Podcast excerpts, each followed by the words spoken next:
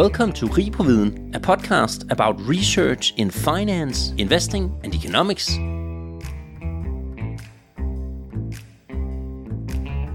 We've made this episode with DFI, the Danish Finance Institute. DFI is supported by Finance Denmark, and their goal is to build one of the world's best research environments of finance in Denmark and support the education of candidates for the financial sector. That's an agenda that we are very proud to support in Ripoviden. You can read more on danishfinanceinstitute.dk. Do you consider yourself as fully rational, or do you rather see yourself acting with lack of self control? If the former is the case, there's a higher probability for you to be a house owner. Today I have the pleasure of interviewing Professor Kathrin Schlafmann from Copenhagen Business School. Kathrin, welcome by. Um, thank you very much for having me. It's a pleasure to be here. And uh, Kathrin, I've invited you here today because you have uh, a broad field of research space in uh, household finance, macroeconomics, behavioral finance, and behavioral economics.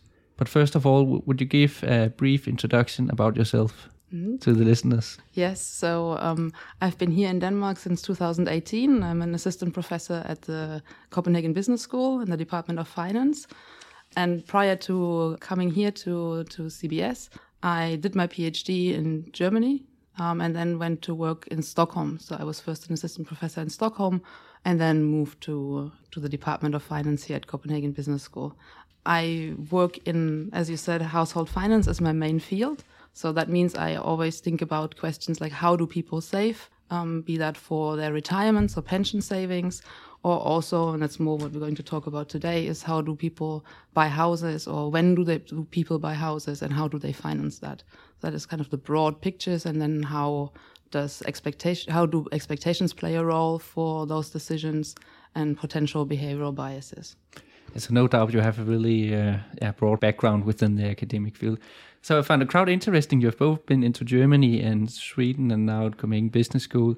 So if we just stop there, do you see any cultural differences between the universities, uh, between Denmark and our neighbor countries? I think um, here the, the structures are much less hierarchical as they are in, in Germany. So that really fosters a lot of discussions across all levels, from the PhD students to the full professors. I like that very much. And I think that is something that is particularly nice about the Scandinavian countries. Um, that is not so much the case in Germany, the system that I knew, um, where I grew up in to start with. Yeah, so uh, here, here you would say that Sweden and Denmark are quite similar to each other, where Germany there's that's where we find the biggest contrast. For me, I think that's the most striking contrast. Yes, that's right. Okay. And also, uh, you're invited here today because you have a special relationship to Danish Finance Institute, DFI. Mm-hmm. Would you please tell about your relationship? Mm-hmm. So the DFI, that is an initiative which aims to build and establish Denmark as a center for um, research in finance, a, a world-class center for research and that is of course important to um, for the creation of knowledge but also for the education of our students. So we as researchers and as um, as educators we benefit from from this initiative and it's possible for us to give the best possible education to the students who we then send out to the Danish economy. So that is the Danish Finance Institute, and I'm a member since uh, 2018. I'm a DFI research fellow, so one of those people doing the research and the education here in the, at the universities and in cooperation with DFI. Okay, that's really great. And as I, I started with in the beginning, I talked briefly about self-control, and that's also the topic today. And we also talk about it within your housing. But first of all, how did you get interested into these fields? So I'm interested in household finance. That means really how ordinary normal people make financial decisions. So I'm less interested in the really rich people or the top 1% as they're sometimes called. I'm really thinking about the what, most people, the majority of people, what they do.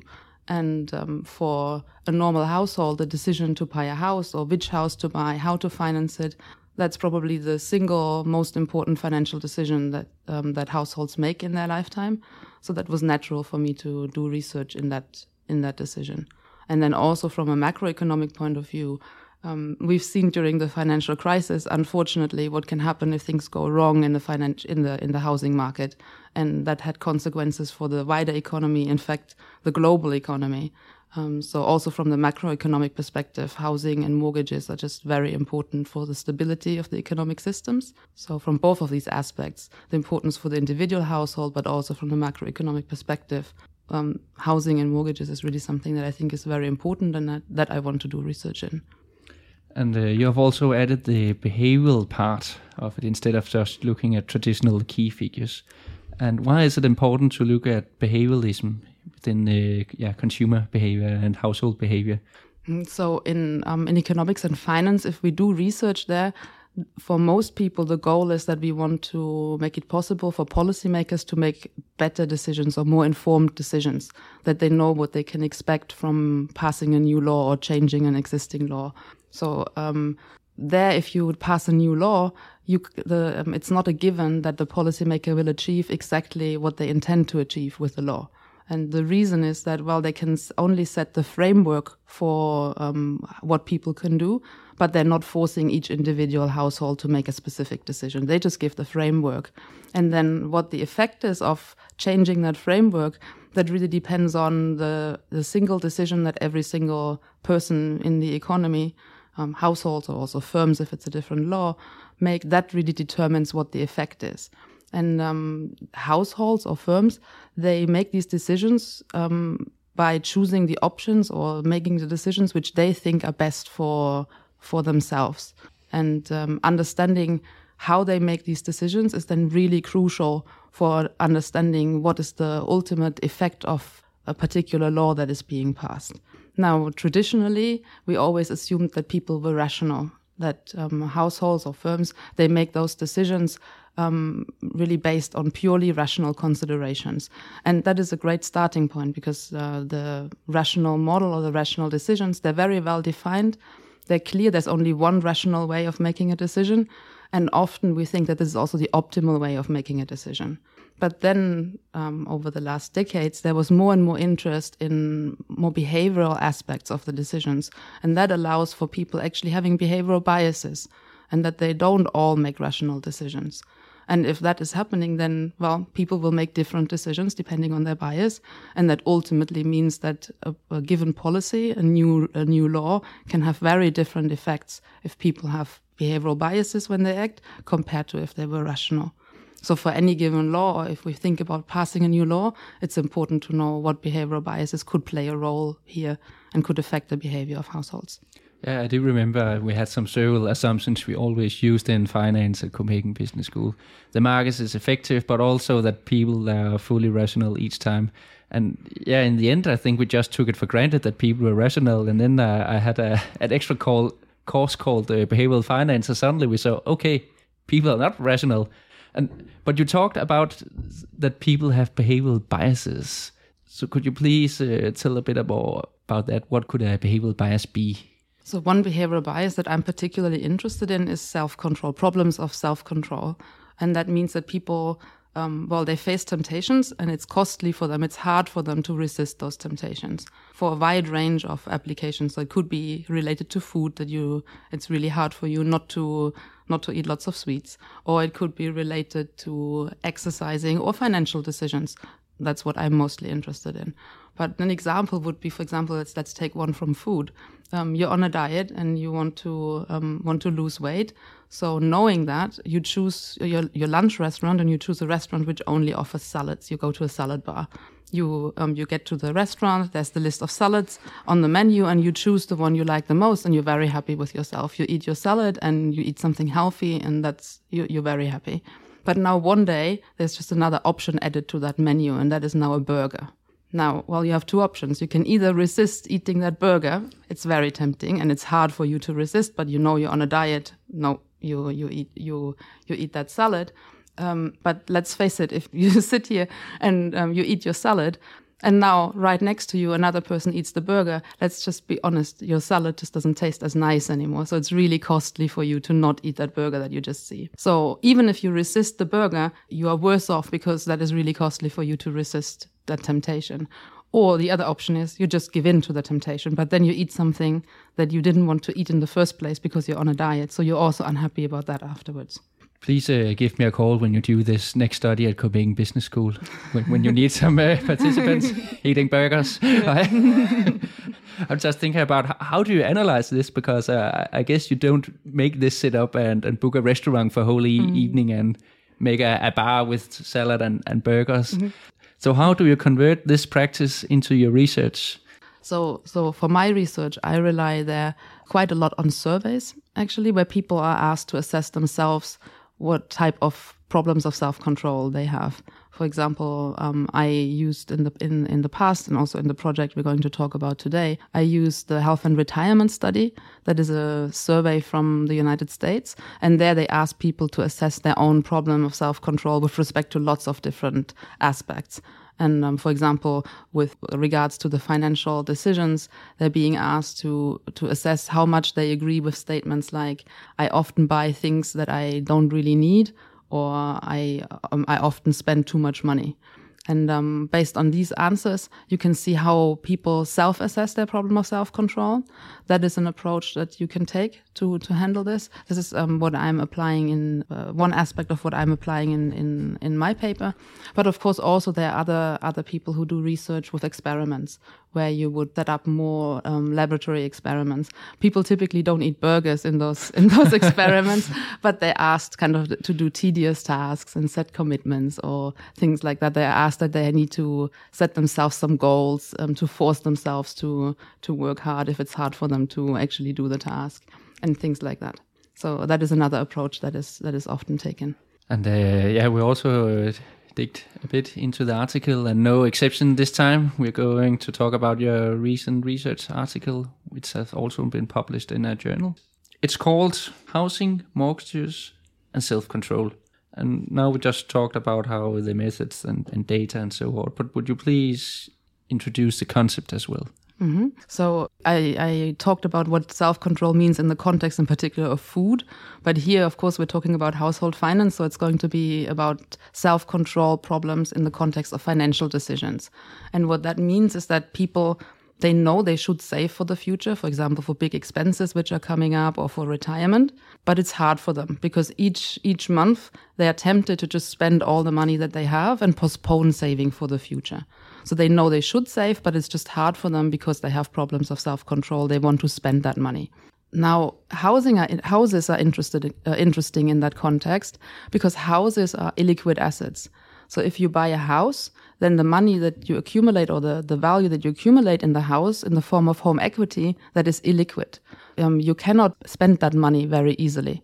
It's a bit like putting money away into a lockbox and you can't easily access it. So that means that the money that you've accumulated in form of home equity, you're not tempted to spend it. Um, and that makes it easier for you to to accumulate that home equity because you don't have these costs of self control. Um, and that makes it easier for you to save in form in the form of home equity than, for example, in a in a liquid savings account um, or just having money on in your in your current account, which you could easily spend at any moment. Mortgages are also an aspect. So typically, people um, when they when they buy a house when they buy a house, they take out a mortgage. But mortgages require regular repayments, and those installments of those payments, that's also you just have to make them there is no choice for you. There's no discretion. You just have to, if you want to keep the house, you need to make that mortgage payment. And hence you also can't be tempted not to make that payment. So not only is the money that you've already accumulated, the home equity that you already have in the house, not only is that illiquid, but also the, these, um, the, the, the payments that you make to increase that money through repaying your mortgage also that doesn't lead to costs of self-control.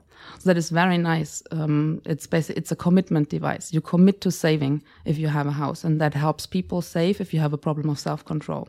So now this is the advantage, but then there's also a problem. And the problem is that if you want to buy a house, you need to make a down payment. So at least a small fraction of the purchase price of the house you need to pay upfront. So in Denmark, for example, it's 5% typically.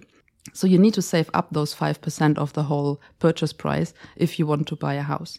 But if I have a problem of self control, then I struggle to actually accumulate those 5% of a quite expensive house, which means that um, the, exactly the people who would benefit the most from having that commitment device, from having access to avoiding self control and saving, they are exactly the people who struggle the most to actually get access to the house, to, to become homeowners. So ex ante, before thinking about it, these are just two opposing effects, and we don't know which one will dominate.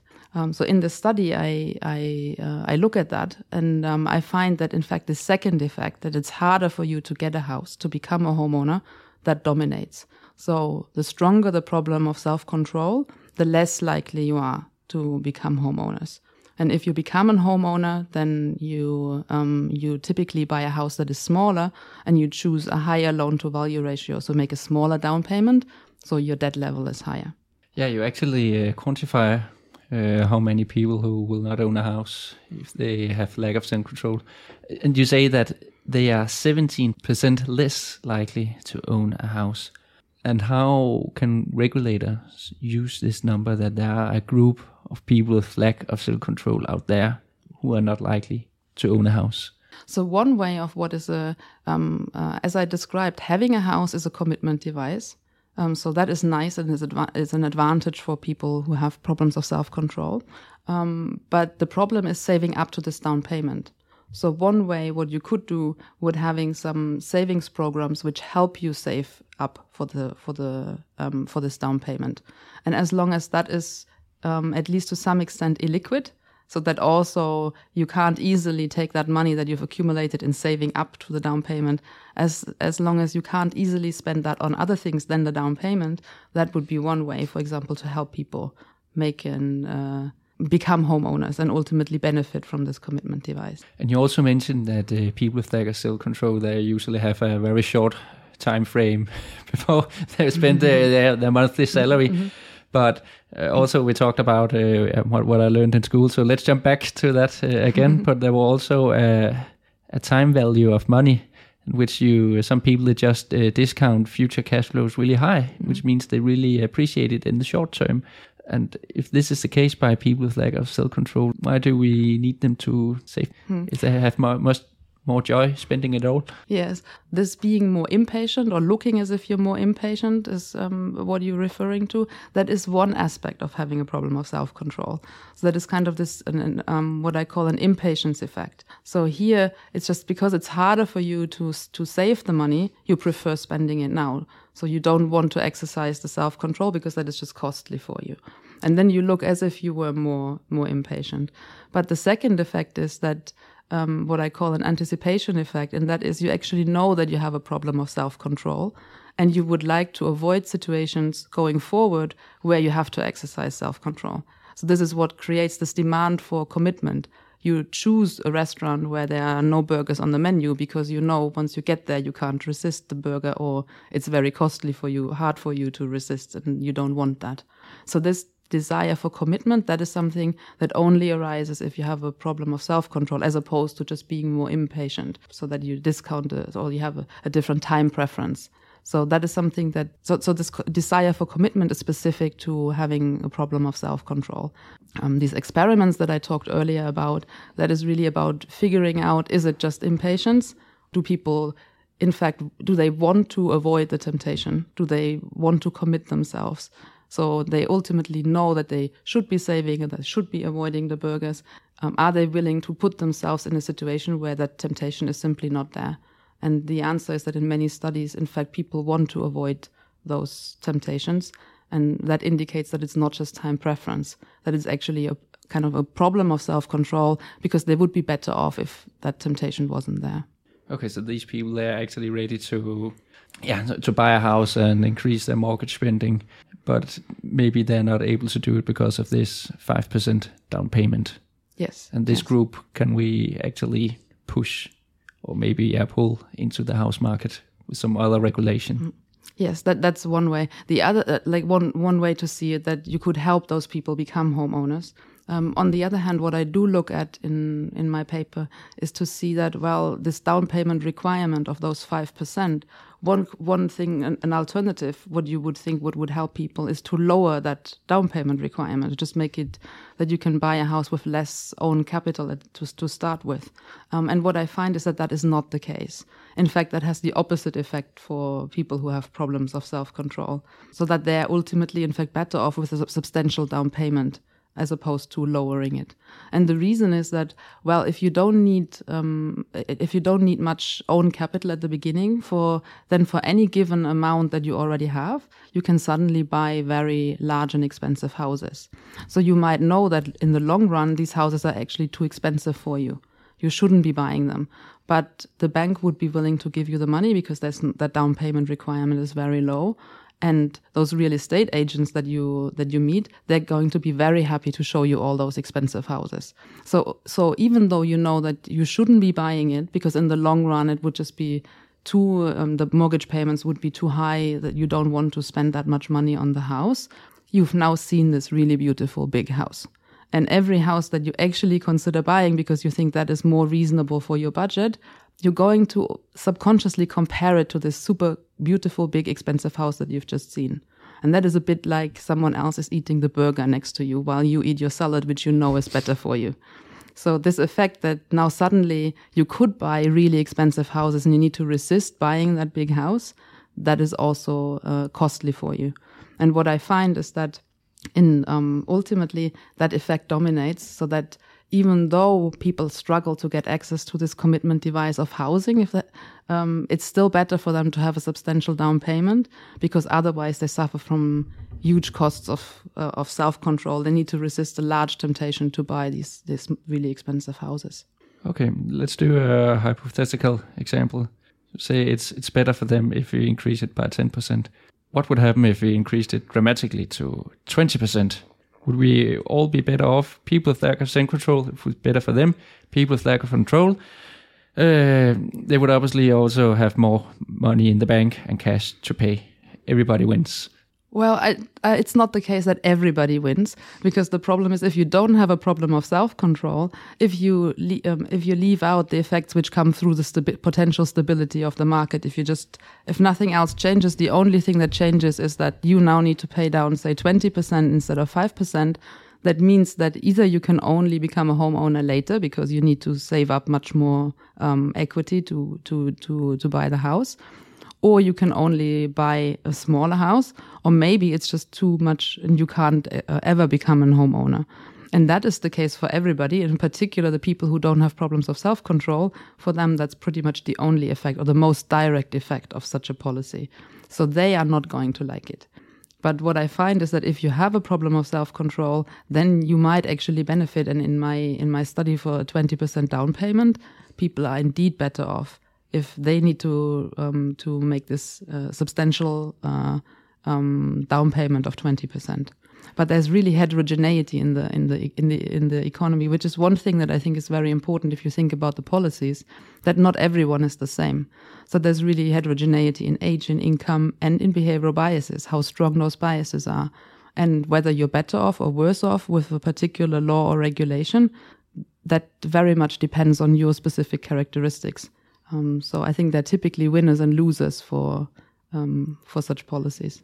Yeah. So what I hear you say is that it's also important to see that not just a, a small group with lack of self control should not dominate the whole policy and how people they are able to yeah yeah to loan money in the capital markets. You just said something quite interesting uh, about age. Mm-hmm.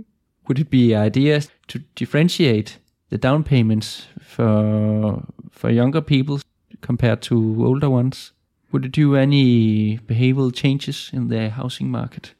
In my study, and what is often assumed, um, is that uh, you think that you have your specific problem of self control. So, how severe is your problem? That's just a characteristic of you, and it doesn't change with age. So, in that sense, also the young people who are typically, or younger people, are typically the people who buy the houses. For them, everything that I just said applies. For older people, um, the restrictions become less severe. Um, when when I said that the rational people, they they in particular, they for them the only effect is is that they are limited in their choices because they can now buy only smaller houses or they can't yet afford the house. Um, that is typically the problem of younger people. Older people have already accumulated more wealth, and for them these restrictions are less binding. So there it could indeed um, be less costly for the people who don't have a problem of self control to face these restrictions because they would have a higher um, down payment or higher share of equity in their house from the start. But the people who have problems of self control, they would really benefit uh, in particular because then they they can't extract as much home equity, so they they need to to hold uh, mm. more equity in their house. And we all, we already have some some regulation on the prepayments and refinancing, so you can actually choose only to pay the interest instead of uh, prepay your mortgage. And yeah, I think this was introduced in the beginning of this uh, 2000s. And did you see any behavioral changes when we introduced this concept on the housing market? So me personally, I haven't specifically looked in those interest-only mortgages as as you describe, um, and especially in the Danish context, I have not looked at that yet. So I'm speculating here a bit. I can just say from my from my uh, from the study that we're talking about now, the effect what that would have for people who have problems of self-control is that this one one form of the commitment device, this making these regular mortgage payments, which helps you save, that is no longer there. Because if you only pay interest and you don't pay back principal, then your mortgage payments they don't lead you to accumulate um, much home equity. So then it only comes through increasing house prices that you would be accumulating any home equity. So those interest only mortgages, they then in fact take away quite a bit of the commitment device um, that are, that is inherent typically in a, in a more traditional mortgage. So that is a for people who have problems of self control. That is a downside because one of the big advantages of taking out a mortgage is then no longer there. Okay, that's a really great point you have, and uh, I actually think we we discussed uh, a lot of points uh, right now. So could you maybe summarize what do you think are the key finding here in your papers, and if we should have any key takeaway for regulators out there what would it be? So the key takeaway is that problems of self-control they seem to um, have a large effect on the housing and mortgage decisions of households. Um, so it really that um, when I said at the very beginning that we need to know for if we think about policies which behavioral biases are important, then for housing and mortgages, self-control um, plays a role. So people should be aware of it and take that into account. And then um, when pe- when policymakers make make decisions about regulating the mortgage market, for example, setting minimum down payment requirements, or thinking about how easy is it to um, to allow um, refinancing of mortgages, easy refinancing, um, because there are countries where there are huge prepayment penalties, so refinancing is indeed almost impossible. Um, so if you think about all these dimensions, then the key takeaway from my paper is that well, this is going to have consequences which are quite um, heterogeneous. So some people who have problems of self-control, who benefit from having the house, um, well, they might be quite affected. Their welfare might welfare effects might be quite different to our rational people that we typically think about. So it's really important to take into account when regulating mortgage markets that people with different degrees of self-control might face very different consequences from those regulations if we sum up these consequences overall, do you see there are many many more pros than cons, and should it therefore be a tool for the housing market? I think the reason that you want to um, regulate the housing market is because the housing market, as it, as as it has turned out during the financial crisis, and the Great Recession, it's just a very important market for the economy as a whole. So if there are problems and instabilities in that market, then that can feed into the economy as a whole. And we've seen it led to a global financial crisis. So I think that is the main motivation why people think about regulating, in particular, the mortgage markets. Um, how much debt can people take on and so on. Um, so I think the that is the reason why you would want to do it. From my perspective, if you do if you want to do it you should also always take into account what are the consequences of every single household or groups of households because for those households buying a house is just this super important one big financial decision that they make in their lifetime so it has huge welfare consequences for the individual households and there it's important to make informed decisions about how costly is it for those different households if we regulate the mortgage market, for example, if we restrict that debt levels, for example. Then um, that will have different consequences. Um, there, it's important to take into account the different um, behavioral biases, in particular self control, but also across other dimensions. By we talked about age, um, we can talk about education, and there's lots of heterogeneity in the in the society, and it's important to be aware of the consequences to particularly vulnerable groups or groups which are particularly affected by by decisions which affect the housing market. Okay, I think this was a really good uh, sum up. I just have a large question, and uh, a couple of times here of the podcast we mentioned the economist uh, Kahneman and also uh, Tversky. They were how can we say the, the father of behavioralism. They appeared here in the seventies, and much of their theory still appears in today's research. But if you look at what happened today, greater thing we learned since then so I think over the last decades, we really um, became much better in understanding how people make decisions with behavioral biases or just heterogeneity in preferences, in, in biases, or in just circumstances overall. So we became much better in measuring that, in collecting data about how people make decisions, and on ultimately understanding how people make decisions.